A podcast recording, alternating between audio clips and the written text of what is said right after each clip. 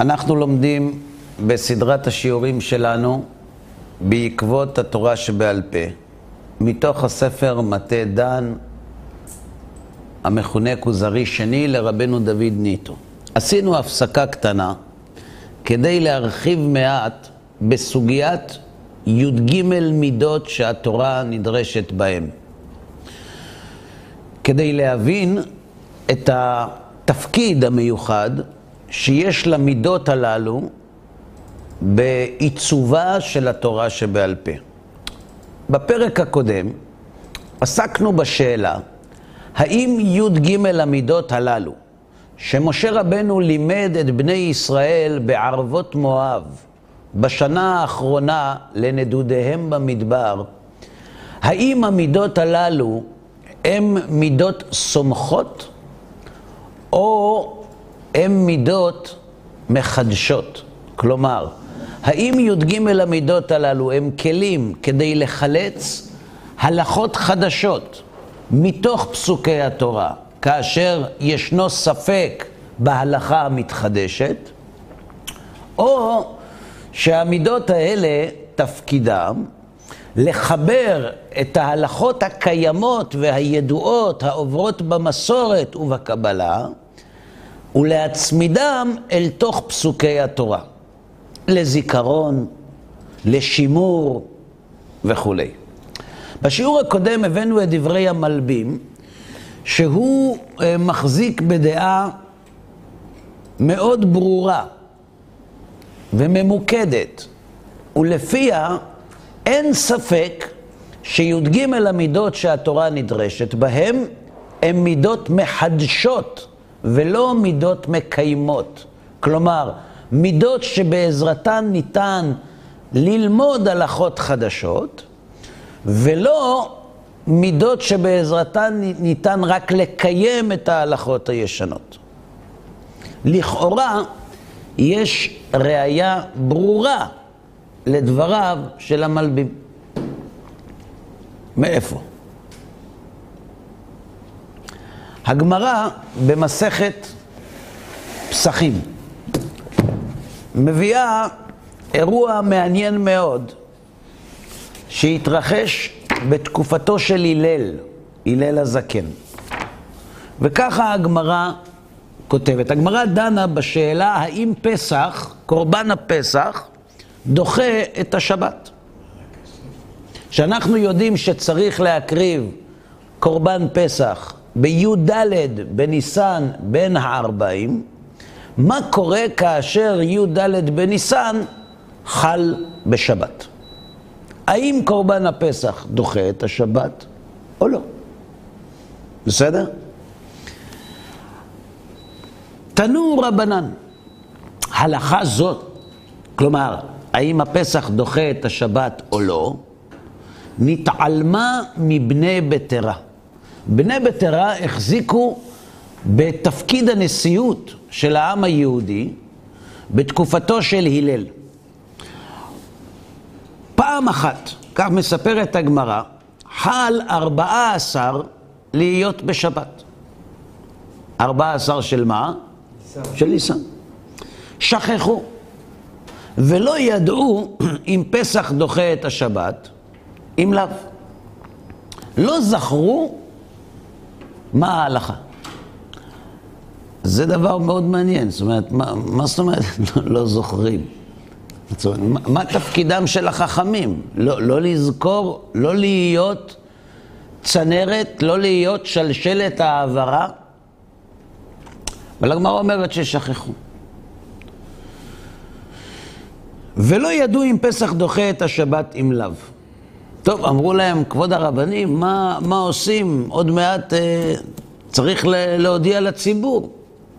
אמרו, כלום יש אדם שיודע אם פסח דוחה את השבת אם לאו. אולי אתם מכירים איזה תלמיד חכם ש, שזוכר מה, מה, מה קורה? אמרו להם, אדם אחד יש שעלה מבבל, והלל הבבלי שמו. ששימש שני גדולי הדור, שמעיה ואבטליון. כלומר, אם עלה אדם מבבל, שקוראים לו הלל, והוא שימש את שני גדולי הדור בדור הקודם, שהם שמעיה ואבטליון. מכאן אנחנו למדים שהלל בצעירותו עלה לארץ ישראל מבבל, למד אצל שמעיה ואבטליון, חזר לבבל, ולזקנותו שב ועלה לארץ ישראל. נכון? כי בני ביתרה היו אחרי שמעיה ואבטליון.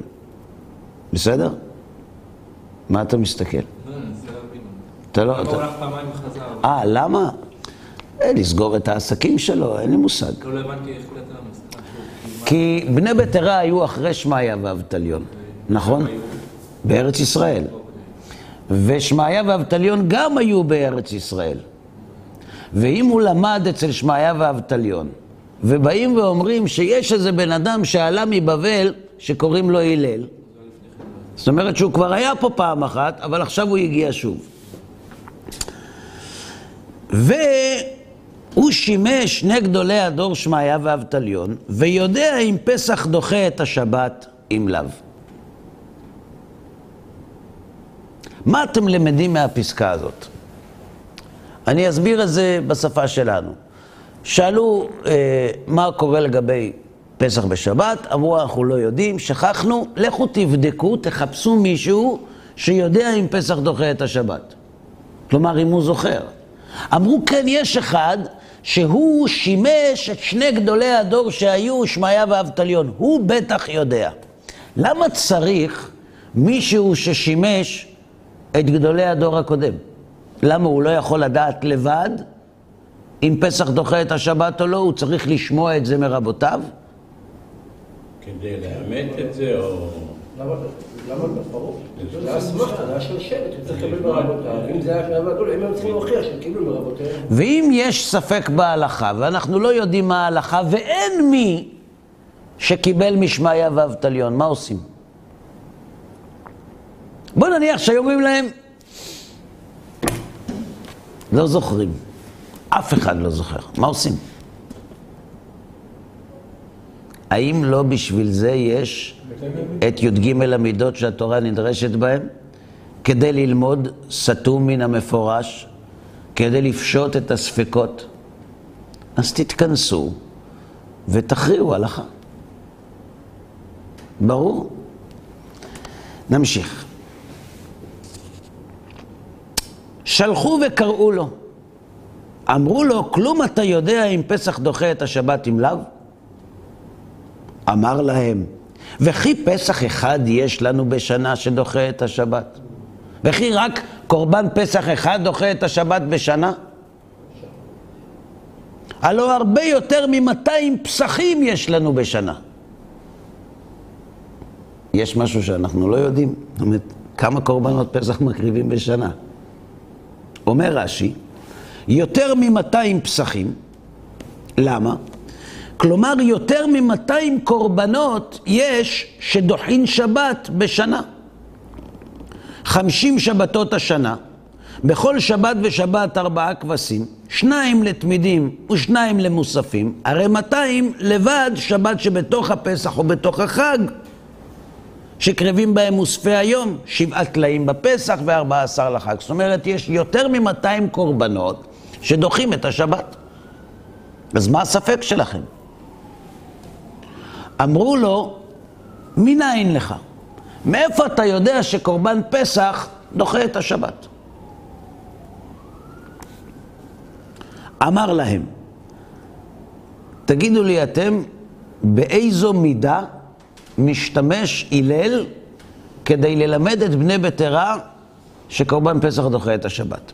אמר להם, נאמר מועדו בפסח, ונאמר מועדו בתמיד. מה מועדו האמור בתמיד דוחה את השבת? אף מועדו האמור בפסח דוחה את השבת.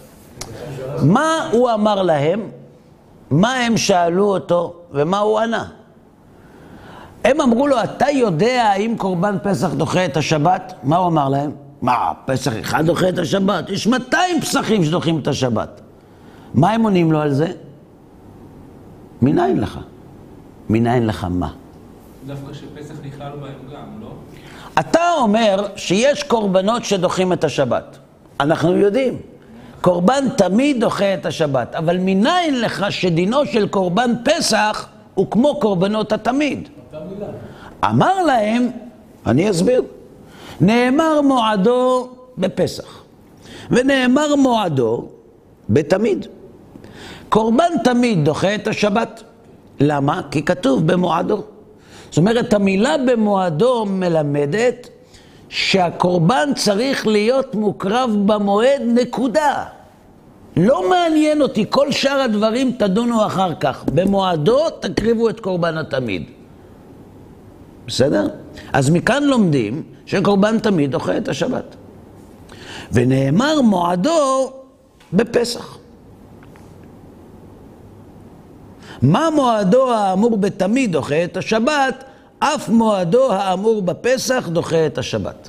איזו מידה זאת? אה? גזרה שווה. מועדו, מועדו. מה מועדו האמור בתמיד דוחה, אף מועדו האמור בפסח דוחה. למה הם לא למדו את זה בעצמם? אי אפשר לומדים בלי שיש לך מקור. יפה. כי אין אדם דן גזרה שווה מעצמו, אלא אם כן קיבלה מרבו, שקיבלה מרבו עד משה רבנו. לכן הם חיפשו מישהו שקיבל משמעיה ואבטליון, שקיבלו ממי? מיהודה בן טבעי ושמעון בן שטח, שקיבלו ממי? מיהושע בן פרחיה וניתאי הארבלי, שקיבלו מיוסי בן יועזר ויוסי בן יוחנן, שקיבלו מאנטיגונוס, שקיבל משמעון הצדיק, שקיבל מאנשי כנסת הגדולה, שקיבלו מן הזקנים, שקיבלו ממשה רבנו. אלא שאם גזרה שווה מלמדת שתמיד ופסח הם קורבנות שווים, יהיה קשה עם ההמשך. ועוד, מה ועוד? ועוד דוגמה, ועוד דרך ללמוד, קל וחומר הוא. ומה תמיד שאין אנוש כרת דוחה את השבת. פסח, שענוש כרת, אין עוד דין שידחה את השבת? אה? אם קורבן תמיד, לא הקריבו תמיד, האם יש עונש כרת על תמיד? לא. אז אם קורבן תמיד שהוא קל, כי אין עונשו כרת, והוא דוחה שבת, קורבן פסח שכתוב במפורש שמי שלא מקריב קורבן פסח חייב כרת, אינו דין שידחה את השבת? שאם הקל דוחה, החמור על אחת כמה וכמה. יש חמור בקל פה, מה חמור? שהוא קורבן תמיד הוא תדיר יותר, לכן אולי יש לו יותר חשיבות בעניין הזה, ואז מצד הזה כן את השבת. מיד הושיבוהו בראש, ומינוהו נשיא עליהם. אמרו לו, כבוד הרב, בכבוד, הכיסא פנוי, תעלה, תהיה נשיא עלינו. מיד הושיבוהו בראש ומינוהו נשיא עליהם, והיה דורש כל היום כולו בהלכות הפסח. התחיל מקנטרם בדברים. הלל, מאוד הפריע לו שבני ביתרה שכחו את ההלכה. אז הוא היה מקנטרם בדברים. אמר להם, מי גרם לכם שאעלה מבבל ואהיה נשיא עליכם? עצלות שהייתה בכם, שלא שימשתם שני גדולי הדור, שמעיה ואבטליון. אם הייתם משמשים את שמעיה ואבטליון, הייתם זוכרים, ואז לא הייתם צריכים שאני אעלה מבבל, והייתם נשארים נשיאים. אמרו לו, רבי, שכח ולא הביא סכין מערב שבת מהו? דוחה את השבת, נכון? יפה. עכשיו, מה יקרה אם הוא שכח ולא הביא את הסכין? מותר לטלטל סכין? תלוי, אם היה אפשר לעשות זאת מערב שבת, אז אסור. ואם אי אפשר אז מותר, היה יכול להביא סכין מערב שבת. מה הדין? אמר להם, הלכה זו שמעתי ושכחתי. מיד, במקום. אלא הנח להם לישראל. אם אין נביאים הם, בני נביאים הם. אם אתה לא יודע את ההלכה, מה עושים? אין פה רב. בבוקר תסתכל ברחוב מה אנשים עושים. בדר... יש כוח בציבור, הציבור בדרך כלל לא טועה. כלומר, המנגנון המעשי של קיום המצוות, יש לו חיסון עצמי. אפשר שפלוני יטעה ואלמוני יטעה, אבל הציבור כולו בדרך כלל, אם כל הציבור עושה אותו דבר, כנראה שכך. על סמך מה אנחנו אומרים את הדין הזה? חז"ל מלמדים אותנו שלכל אדם יש כמה דעות, נכון? יש לנו פה מאה איש, וכולם עושים אותו דבר, זה לא נהיה במקרה. כי אם זה היה קורה במקרה, היו כאן מאה דעות. ואם הציבור כולו עושה אותו דבר, כנראה שהמסורת שהציבור מחזיק בה היא מסורת אחת. וכיוון שהיא מסורת אחת, כולם עושים אותו דבר. מלמד הלל את בני ביתרה, שאם לא יודעים מה עושים, תלך ותסתכל. מה עושים כולם? אמר להם, אם אין נביאים הם, בני נביאים הם. למחר, מי שפסחו תלה תוכבו בצמרו, ומי שפסחו גדי תוכבו בין קרניו.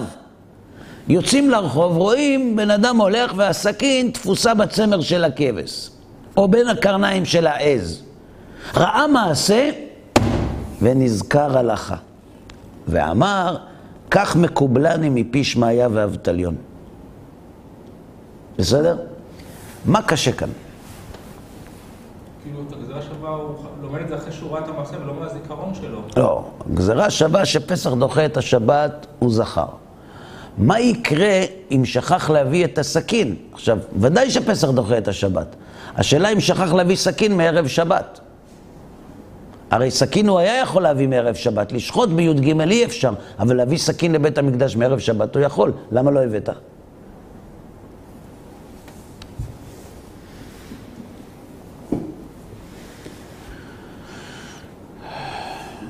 הקושייה כאן היא בשביל מה צריך קל וחומר. אם יש לך גזרה שווה, מה צריך קל וחומר? וגם מה קורה אם רק תהיה מביא רק קל וחומר, האם זה היה עוזר לו? אה? אם הוא מביא רק קל וחומר בלי הגזירה שווה, האם זה היה. עוזר לו? אם יש קל וחומר, למה בני ביתרה לא למדו אותו בעצמם? ואם הקל וחומר לא טוב, אז בשביל מה הלל הזקן הביא אותו? כך או כך, מה אנחנו למדים?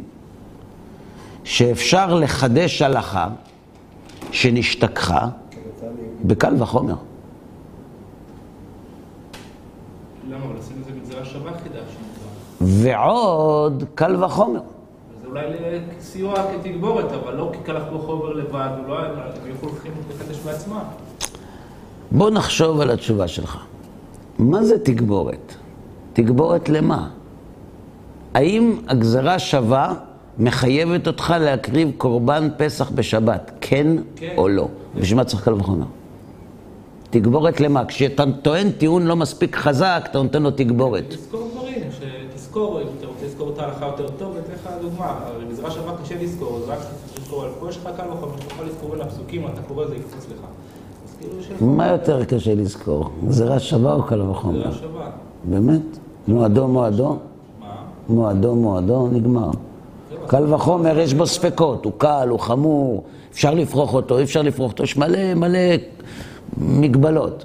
גזירה שווה זה פשוט, מועדו מועדו. הגזירה שווה אפשר לעשות לבד. פשוט, אבל תזכור. הוא לא עשה לבד. סתם לזכור בעל פה כאילו משהו, זה לא כמו שיש... התשובה יותר טובה מהשאלה או פחות?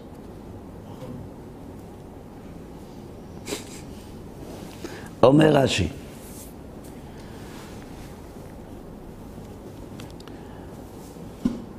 שואלת הגמרא, וכי מאחר דגמיר,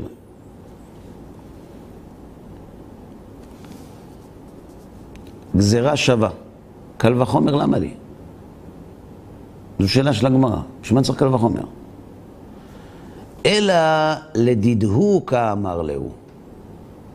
אני לא צריך קל וחומר. אני, יש לי גזירה שווה. בשלומה גזירה שווה לא גמריתו. דאין אדם דן גזירה שווה מעצמו. אני מבין למה לא למדתם בגזירה שווה. אלא קל וחומר, דאדם דן מעצמו. היא באה אליכם למידן. למה לא למדתם שפסח דוחה את השבת מקל וחומר? בסדר, גזירה שווה אתם לא יכולים ללמוד. אבל קל וחומר אתם יכולים לעשות. למה לא עשיתם? אז מה הם ענו לו? אמרו לו קל וחומר פריחה הוא. מה אתה חושב, שלא עשינו? עשינו, אבל אפשר לפרוח את הקל וחומר. מה אנחנו לומדים מכאן? שאם זה היה קל וחומר שאי אפשר לפרוח אותו, בני ביתרה היו לומדים שפסח דוחה שבת בעזרת מידה שהתורה נדרשת בה. אז האם י"ג מידות הן רק מקיימות את ההלכה, או שהן גם מחדשות אותה? אה? הבעיה שהם לומדים פה משהו שכבר היה קיים. שכחו אותו. שכחו, בסדר. קל וחומר לא עוזר לשכחה. קל וחומר זה לא תוכנת שחזור. אין, שכחנו. אנחנו לא יודעים עכשיו מה ההלכה. הקל וחומר לא מחזיר את הזיכרון, הוא קובע הלכה חדשה. אז אפשר לחדש בקל וחומר או אי אפשר? פה במקרה שלנו הם אמרו לו קל וחומר פריחה הוא, אבל באופן עקרוני אפשר. כלומר, מהגמרא פה לכאורה יש סיוע חד וברור לשיטת המלבים, שטוען שי"ג מידות הן מידות מחדשות, ולא רק מידות סומכות ומקיימות. נכון עד כאן? מי טוען שהן רק מסומכות? מי טוען שהן? רק סומכות, ואיך הוא מסביר את זה? יש שני מקורות שמהם לכאורה נראה, יש יותר אפילו, שי"ג המידות הן לא מידות מחדשות, אלא מידות מקיימות בלבד. נראה עכשיו. יש סיכוי אבל שדרך השחזור הזה, או דרך ההיקש, תגיע למקום שלא היה מלכתחילה? הרי זה, זה מוכרח להגיע לאותה נקודה. לא הבנתי את שאלתך. אני שואל, אם דרך קל וחומר לצורך העניין, כן. הרב אומר שזה, יש פה כאילו לכאורה ראייה שזה מחדש. חכמים שבעצם פועלים על פי קל וחומר. אבל הקל וחומר שהם יעבדו לפיו, אם, אם אחר כך אה, פתאום מישהו יגיד, אה, נזכרתי מה היה, זה יהיה אותה נקודה שהייתה מלכתחילה, היא פשוט נשכחה, אבל הקל וחומר יגיע לאותה נקודה התחלתית, הוא לא ייקח למסלול אחר. הוא לא יבוא למסקנה אחרת הלכתית. מה זה משנה? איך יכול להיות שזה... מה זה משנה? אני שאלתי שאלה פשוטה. האם קל וחומר זו מידה שתפקידה לשחזר את הדיסק, או לכתוב עליו דברים חדשים? מה למדנו? שאפשר לכתוב דברים חדשים. זה הכל. עכשיו, מה יקרה אם יבוא מישהו עם גזרה שווה? אם יבוא מישהו עם גזרה שווה, אז אנחנו נבטל את מה שלמדנו בקל וחומר ונקיים את הגזרה שווה. זה הכל. לא תגיע למחוזות חדשים. למה? מי אמר לך שלא? כי זה למה? לא כאילו מוכרח להגיע לאותה נקודה. לא. כל מה שקשור בסברה יכול להגיע להרבה מאוד ערוצים. בטח. בוודאי. אחרי רבים להטות, נקודה. מי שמחזיקים בסברה שלו יותר מחברי הסנהדרין, הלכה כמותו. יבוא מישהו, ילמד אותם הפוך, יחזרו בהם, יפסקו כמוהו. שני חכמים, אחד סובר קל וחומר כך, אחד סובר אחרת? כן? כן. אוקיי. זה אומר שיכול בעצם הייתה הלכה ידועה שנשתכחה והייתה X, ועשו חידוש מקל וחומר והגיעו לבדיוק משהו הפוך. יכול להיות דבר כזה? יכול להיות. אפשר להמשיך? כותב הרמב"ם, אחר שהנחיל יהושע מה שנאצל עליו מן הפירוש. אחרי שמשה רבנו מנחיל ליהושע בן נון תלמידו את כל מה שנאצל עליו מאת השם באשר לפירושי התורה, כלומר לתורה שבעל פה, והחכים בו והתבונן בו יהושע ואנשי דורו. במה התבונן יהושע ואנשי דורו? בהלכות ובפירושים שמשה רבנו לימד אותו, וכל מה שקיבל ממשה, הוא או אחד מהזקנים, מן העניינים המסתרגים מהם, הוציא דינים בסברות ובמידות השלוש עשרה הנתונות על הר סיני שהתורה נדרשת בהם. כותב הרמב"ם בהקדמה לפירוש המשניות, שיהושע בן נון השתמש בתורה שבעל פה שהוא קיבל ממשה, ובדברים המסתרגים מהם, כלומר בדברים, בספקות ובשאלות שנולדים ממה שהוא למד ממשה, הוציא דינים בעצמו בסברות ובמידות השלוש עשרה הנתונות מהר סיני. מה אתם למדים מדברי הרמב"ם? שמידות י"ג שקיבלנו ממשה הן מחדשות או רק סומכות? מחדשות. כלומר, גם מדברי הרמב"ם עולה לכאורה שהמידות הן לא רק סומכות, אלא ממש ניתן לחדש על ידן הלכות שיהושע לא קיבל ממשה. לא קיבל ושכח, לא קיבל בכלל. נמשיך הלאה. כותב הנציב בהקדמה להעמק דבר, בצורה ברורה שעל ידי המדרש נתחדשו דינים רבים. וכך הוא כותב, וכמו שיש כללים להוציא הלכות לאור, מה זה להוציא הלכות לאור? לחדש. לחדש הלכות. על פי שבע המידות שדרש הלל, כדתניא בתוספת הסנהדרין פרק ז', ואחר כך הוסיפו עליהם תנא דבר רבי ישמעאל ושנה י"ג מידות. וכל זה הוציאו מן ההלכות המקובלות שהיו בידם מכבר, לדון במקום אחר שלא הייתה הלכה ידועה. כלומר, הם השתמשו בי"ג המידות כדי להוציא מידע מהלכות ידועות לעבר הלכות שאינן ידועות, כלומר הלכות שמתחדשות בבית המדרש. אז כמו שי"ג המידות, תפקידן ללמוד סתום מן המפורש ולחדש, כך יש להוציא כללים בפירוש המקרא, כמו ל"ב כללים של רבי אליעזר, בנו של רבי יוסי הגלילי בהגדה. כלומר, מה עשה רבי אליעזר, בנו של רבי יוסי הגלילי? הוא התבונן בהגדה וניסה להבין איך חז"ל הוציאו מן הפסוקים את האגדות שלהם. ולאור הלימוד שלו, הוא בנה כללים שעולים מתוך ההלכות המתחדשות. כלומר, הוא הלך אחורנית ואמר, דע לך שחז"ל לימדו את האגדות שלהם בעזרת 32 כללים. לדוגמה, המלבים באיילת השחר מביא כללים של לשון הקודש ומראה איך על פי כללי לשון הקודש התורה שבעל פה יושבת בצורה מערכתית בתוך התורה שבכתב. וכאן מתעוררת שאלה, האם חז"ל ידעו את כללי לשון הקודש ועל פיהם הם למדו, או שהם לא ידעו את כללי לשון הקודש, הם חידשו על פי י"ג מידות שהתורה נדרשת בהם ועל פי המסורה. אבל כשאתה מסתכל אחורנית ומנסה לשחזר, אתה פתאום רואה שיש תרי"ג כללים. חייבים לדעת. בסדר, אני לא, לא, לא, לא, לא עוסקים כרגע בהכרעת הספק הזה. אותו דבר גם פה.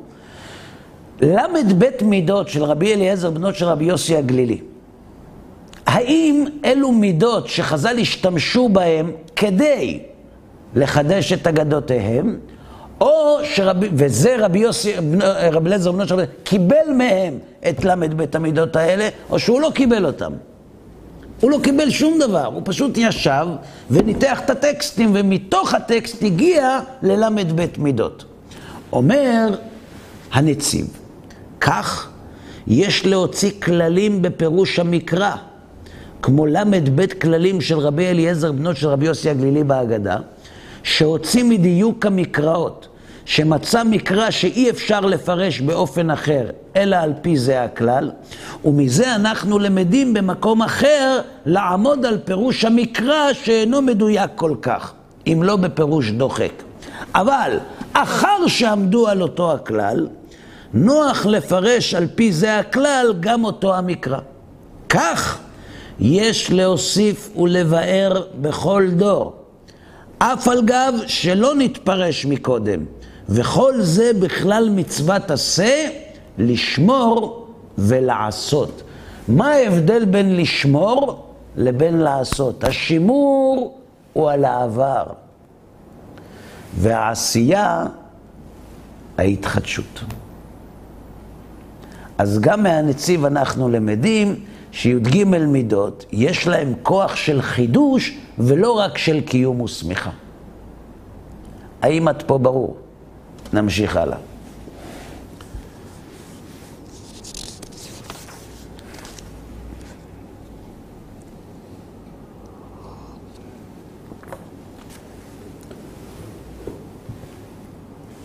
המעריץ חיות, עליו השלום, בסדרת הספרים שלו על התורה שבעל פה, כותב את הדברים הבאים. נמצאו אצלנו, כותב מעריץ חיות, דרכי המידות שהתורה נדרשת בהם, אשר נמסרו מפי השם למשה. נעצור כאן. מהפסקה הזאת, מה אנחנו למדים? שהעמדה שמחזיק בה מעריץ חיות היא שלא מתוך התבוננות בהלכה למדנו את י"ג המידות, אלא שי"ג המידות ניתנו מפי השם למשה, הוא לימד אותם את בני ישראל, ועם זה הלכו קדימה. לא שיום אחד ישב רבי ישמעאל בישיבה ואמר, בואו נראה, בואו ננסה לנסח את השיטה של... זה לא אקדמיה. אשר נמסרו מפי השם למשה למען נוכל לדעת ולהוכיח על ידיהם ביאור המצוות. מה פירוש לדעת ולהוכיח? לדעת ולזכור אולי. ולהוכיח? לראות את המסלול, מהתורה שבכתב לתורה שבעל פה. להסביר? יש הבדל בין לדעת ללהוכיח או לא. מה זה לדעת? אתה יודע מה זה לדעת, אנחנו לא יודעים מה זה. מה זה להוכיח? יש לך את התוצאה ויש לך את ה... מה זה להוכיח? להביא את הדרך להגיע לתוצאה. ולענות על שאלות. כלומר, התוצאה ידועה, כן. עכשיו מה שנשאר זה להוכיח איך הגענו לתוצאה. זה מדרש סומך או מדרש מקיים? סומך. אה, מקיים. מקיים. ומה זה לדעת? לא ידענו, ועכשיו אנחנו יודעים. לא יודעים אם פסח דוחה את השבת, ועכשיו אנחנו יודעים. אז מה זה לדעת? לחדש. כלומר, מדברי מעריץ חיות אנחנו למדים שלי"ג מידות יש שני תפקידים. גם מקיים וגם מחדש. אני קורא שוב. נמצאו אצלנו דרכי המידות שהתורה נדרשת בהן, אשר נמסרו מפי השם למשה למען נוכל לדעת ולהוכיח על ידיהם ביאור המצוות ופירושיהם ופרטיהם. והם השלוש עשרה מידות שהיה רבי ישמעאל דורש. וחוץ מן המידות הללו של רבי ישמעאל נמצאו עוד שערי מידות שניתנו לדרוש בהם המקראות, כמו היקש וסמוכים, או אם אינו עניין, או גורעין ומוסיפים ודורשין, או ריבוי מיעוט וריבוי, וכולם מקובלות אצלנו מן משה רבנו. להבין על ידי מידות הללו את התורה שבכתב, מה זה להבין על ידי המידות האלה את התורה שבכתב? להוכיח בעזרת המידות האלה את התורה שבעל פה מתוך התורה שבכתב, ולהוציא דרך המידות הללו סתום מן המפורש. שזה מה? חידוש. ולברר על ידיהם את כל הספקות הנופלות במצוות התורה. ועל ידי דרכי הדרוש הללו, שוב כל התולדות והענפים שהוציאו חכמים מן התורה, ומה שהוציאו עוד במשך הזמן, כולם מוכנים ועומדים בכוח המצוות המפורשות בתורה שבכתב, כענפים שהם בכוח השורש וכפרי שהוא בכוח הזרע. מה הוא רוצה כאן? לכאורה, אם יש הלכות מתחדשות, אז השם לא לימד את משה בסיני את הכל. נכון או לא? אומר, אומר המעריץ חיות, כאשר יש לנו י"ג מידות שבעזרתן ניתן לחדש הלכות, כל ההלכות שיתחדשו בעזרת י"ג המידות, הם למעשה היו תמונות בכוח בתורה שמשה רבנו העביר. מדברי מעריץ חיות אנחנו למדים שיש כוח במידות לחדש הלכות. עד כאן בסדר? נתקדם עוד. מצד שני, אתה יכול להביא לי מהחדר את הספר כוזרי שני? נמצא בשקית. מצד שני, הגענו לדיון בסוגיה הזאת בעקבות דבריו של רבי דוד ניטו עליו השלום. כאשר הוא מסביר למלך הכוזרי את ההקדמה שלו לי"ג המידות, הרי הכוזרי ביקש מהחבר שיסביר לו את י"ג המידות. אז לפני שהוא מסביר לו את י"ג מידות, תודה. לפני שהוא מסביר לו את י"ג מידות, הוא נותן לו הקדמונת. מה הוא אומר לו?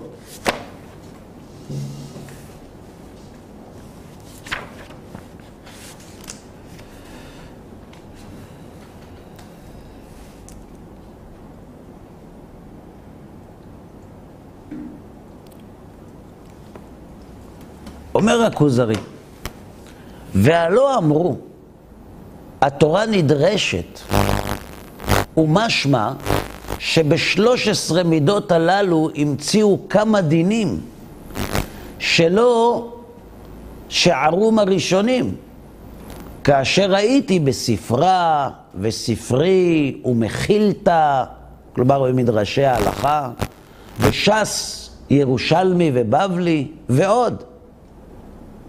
יש דינים חדשים, לא רק ישנים, נכון? ככה אומר הכוזרי. מה אמר לו החבר? דע לך שרוב מה שלמדו חז"ל משלוש עשרה מידות מקובל מסיני. כלומר, זה אומנם נראה לך שזה חידוש, אבל כמעט כל מה שהוציאו חכמינו זיכרונם לברכה בי"ג מידות הוא מדרש מקיים ולא מדרש מחדש. שואל אותו, למה אתה אומר כמעט ולא כל? זו שאלה שהכוזרי שואל את החבר, אז הוא עונה לו. והטעם שלא אמרתי כל, לפי שאפשר שלמדו פירוש איזה עיקר שנשכח באחת מי"ג מידות. על מה הוא מדבר? שחזור, שהוא מתייחס אליו כחידוש. הוא מדבר על ההלכה, האם פסח דוחה את השבת או לא. הוא אומר ככה, אמנם נראה לכאורה, כבוד המלך הכוזרי, שאתה צודק, שמדובר בהלכות חדשות, אבל אינו כן בשום פנים. אלא הדינים היו מקובלים ונוהגים בכל ישראל. וחז"ל למדו אותם הדינים הידועים והנוהגים מקל וחומר. מגזרה שווה או מבנייניו. והטעם שלא אמרתי כל, לפי שאפשר שלמדו פירוש הזה עיקר שנשכח באחת משלוש עשרה מידות. יש אולי פה ושם איזה הלכות שנשכחו, שאותם חידשו בעזרת י"ג מידות, אבל רוב השימוש בי"ג מידות הוא לסמוך הלכות ישנות לתורה שבכתב. מה קשה? הרי יש מלא דברים שהתחדשו במציאות עצמה, שלא, של- שהם לא ניתנו, בכלל לא ידעו על מה מדובר. אלא אם כן, הוא מסביר את זה כמו מה שקראנו מקודם, שזה היה בכוח, ה- שהשלושת המידות נותנים, יוצרים בעצם אה, מציאות של בכוח לכל הדברים החדשים, הוא רק מוציא אותם לפועל. אני חוזר על השאלה שלך. הרי עינינו הרואות שלאורך הדורות נתחדשו ספקות בדינים מתחדשים, שהמציאות הולידה. פעם לא היה מיקרוגל, סתם לא כן. נכון.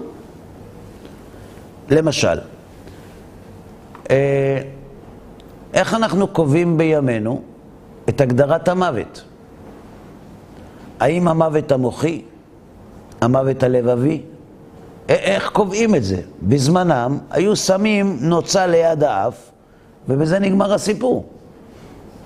איך, איך, איך קובעים? זאת אומרת, המציאות, המציאות מציבה לפתחנו ספקות שמחייבות התייחסות הלכתית.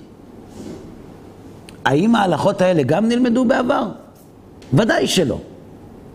אז איך אתה אומר שרוב ההלכות לא הוצאו בי"ג מידות, אלא קיבלנו אותם ממשה? ברור? השאלה ברורה? תשובה.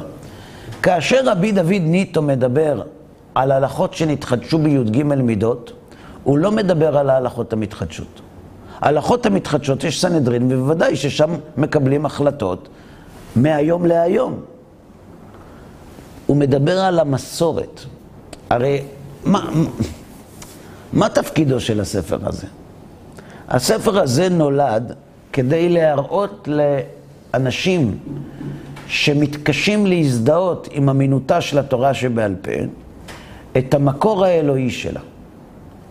אף אחד לא עוסק בשאלה האם חז"ל חידשו הלכות או לא. ברור שחידשו. והסמכות לחדש, הוקדש לה פה לא מעט, מלל.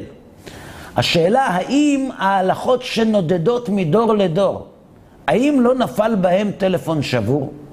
האם לאורך הדורות לא נשכחו הלכות?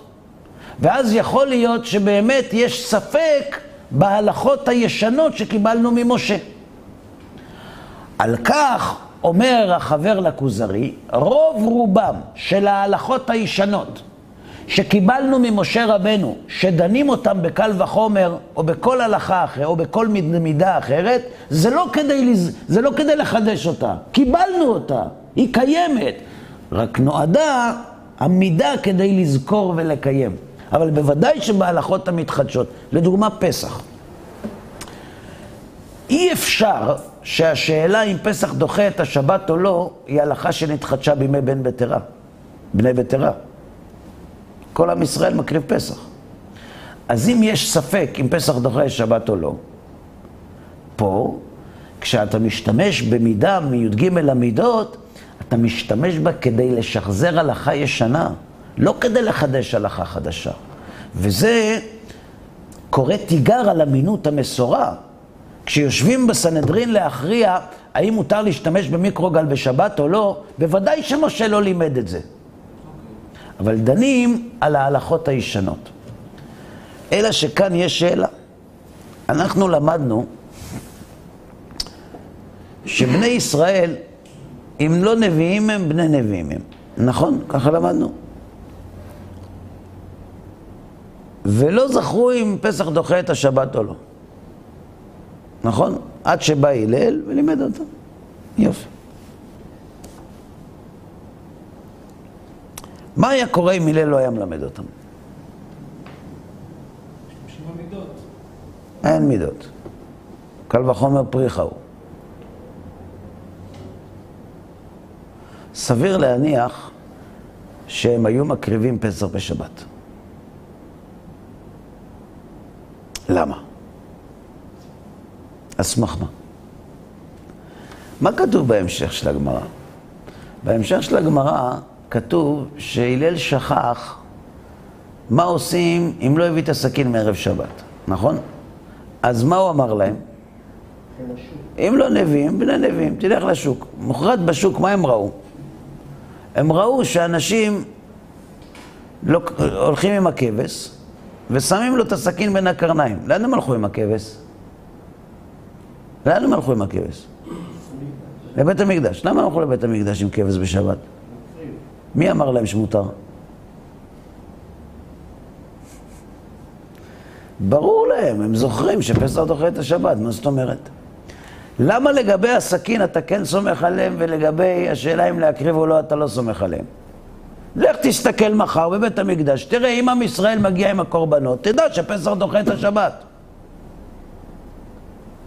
לכאורה נראה מה, מה, מהתרחיש הזה שלא היה להם ספק מעשי אם פסח דוחה את השבת. ברור שפסח דוחה את השבת. שאלה למה? מה המקור? את ההוכחה הם מחפשים שנעמדה, בעצם ההוכחה הלכה לאיבוד. נכון. ההלכה לא הלכה לאיבוד. ההלכה היא הלכה, היא מקוימת כל דור ודור. אבל המקור, אבל מה זה משנה? אם אתה יכול להוכיח את זה מעצמך, נגיד מקל וחומר, הרי אתה זה- לא יכול. מחדש. אתה לא, לא יכול, אתה עוד פעם מתעקש על קל וחומר. הם טענו שזה קל וחומר שאפשר לפרוח אותו, אי אפשר להשתמש בקל וחומר כדי להוכיח שפסח דוחה שבת. אוקיי, אז חוץ גם מה- בגלל מה שאבי אמר עם התדיר שאלות תדיר. אז אז בעצם הם מחפשים את ה... כן, בבקשה, יכול להיכנס. כן, אז אה, בעצם... אה, אז חוץ מהגזירות שוות שבאמת הם חייבים מישהו שיגיד את זה, כל שאר הדברים זה משהו ש, שלמדו אותם במהלך הדורות, בנו את ההוכחות.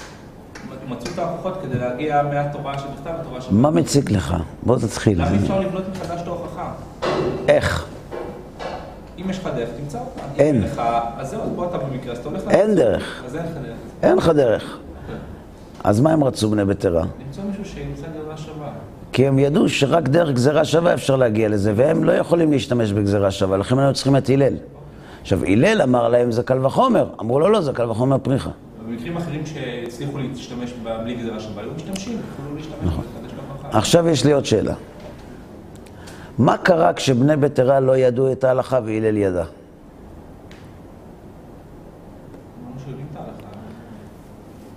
את המקור. מה קרה? מה הם עשו? נכון, מה, אתם לא זוכרים מה למדנו לפני של... שלוש שנים? הם מינו אותו לנשיא. נכון? אמרו לו, תהיה נשיא. למה? כי הוא ידע את הגזרה שווה והם לא. נכון? כשאמר להם הלל, קל וחומר, למה לא למדתם קל וחומר? מה הם ענו לו? אפשר, לפרוח אותו. מי חריף יותר? מי שפורח קל וחומר או מי שעושה אותו? אז מי יותר חכם? הם. אז למה הוא לא נתן להם את הכיסא?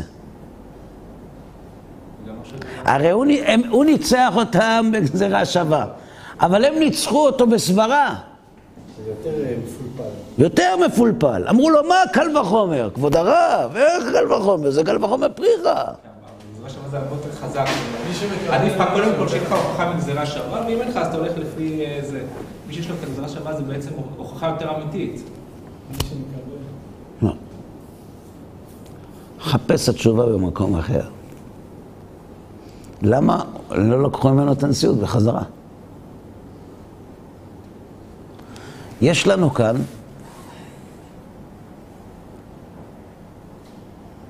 שני מצבים. שני ערוצים. ערוץ אחד זה ערוץ הפלפול, החריפות השכלית. והערוץ השני זה הקבלה. הקבלה מול החריפות, הקבלה עדיפה.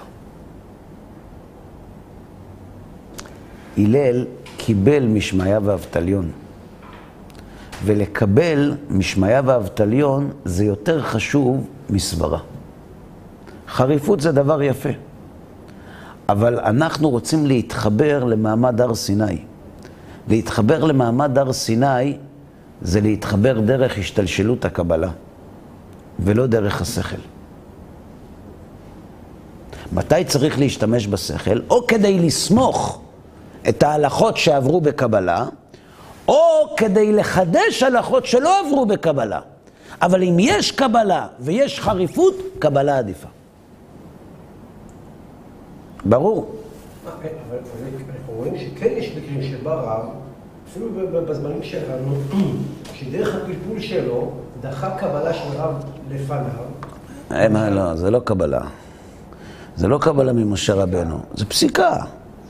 בדור הקודם פסק רב פלוני פסיקה מסוימת, בא רב אחר ואומר, הסברה שלו אה, מתנגשת עם מקורות שונים של הרמב"ם ושל הריף, ואם היה רואה זאת, היה חוזר בו, לכן אנחנו פוסקים הלכה אחרת.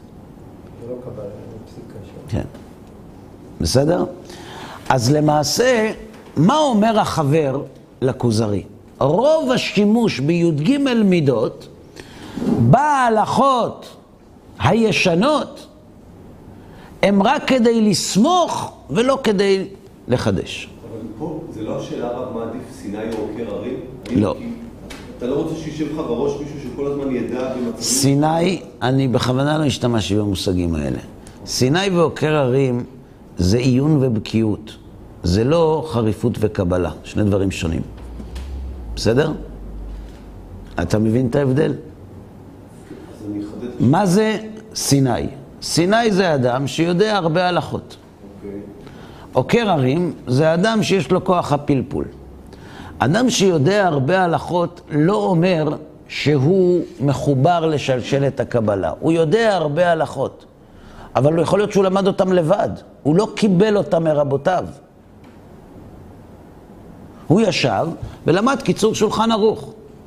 אז הוא יודע הלכות. בסדר? קבלה זה, זה בעצם, זה משהו אבסולוטי? זאת אומרת, כאילו, אין, אין מקום, מישהו שינה במשהו, משהו כזה. השאלה שלי היא, כאילו, אם בן אדם שהוא בא ומביא הלכה, אז בעצם גם, גם מתחבר להר סיני, גם מתחבר לקבלה, ממי הוא מביא את ההלכה? מהתורה הקדושה. זאת אומרת, הוא מחדש הלכה. הוא לא מביא, הוא מחדש. כי הוא מביא מאיזה מקום. ומחדש זה מתוך התורה. אפשר לחדש מתוך התורה. על קבלה. מה זאת אומרת על קבלה? קבלה היא, השאלה שלי אם קבלה היא, זה משהו שיכול להשתנות. תלוי. תלוי מה, על איזו קבלה אתה מדבר. אם אתה מדבר על גזירה שווה, לא יכול להשתנות. אם אתה מדבר על הלכות שהוציאו בי"ג מידות, יכול להשתנות. בסדר עד פה? אז יש לנו דברי רבי דוד ניטו, שאומר שברוב המקרים י"ג המידות הם סומכות ומקיימות ולא מחדשות. כן, מה אתה רוצה לשאול? זוכר שלמדנו שבעצם, נראה לי זה היה בגלות או משהו, שבני ישראל דווקא זכרו את עיקרי המצווה ולא את פרטי המצווה. כן. אז בעצם יש הרבה יותר פרטים מעיקרים, זה אומר שאמור להיות יותר שחזורים של הלכות דווקא... לא כתוב ששחזרו אותם. הוא שאל, אני חוזר על שאלתך, אתה שואל כך, למדנו בדברי רבי דוד ניטו, שאפשר שנפלה שכחה בפרטי ההלכה ולא בעיקר ההלכה, נכון? אז אתה אומר, אז אם נפלו ספקות ושכחה בפרטי ההלכה, אז הרבה השתמשו בי"ג מידות כדי, לחד... כדי לשחזר. תשובה, לא שחזרו. הוא שואל אותו, איך לגבי ביקורים, דנו שם מחלוקת, כמדומני, בין רבי יוחנן לריש לקיש, מי שאין לו קרקע. והוא חכר קרקע, או אריס, או לא משנה מה. האם מביא וקורא, או מביא ואינו קורא? כי כתוב, האדמה אשר נתת לי, והוא אין לו אדמה.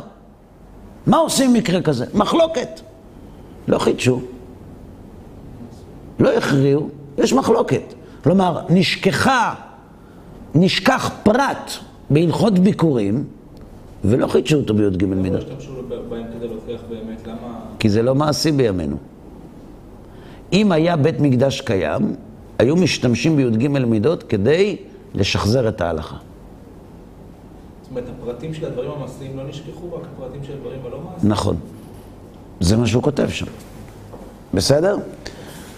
מי שמחזיק עוד בדעה הזאת, שבה מחזיק רבי דוד ניטו, הוא אחד מהגאונים הגדולים ביותר שעסקו בחקר התורה שבעל פה, רבי יצחק אייזיק הלוי.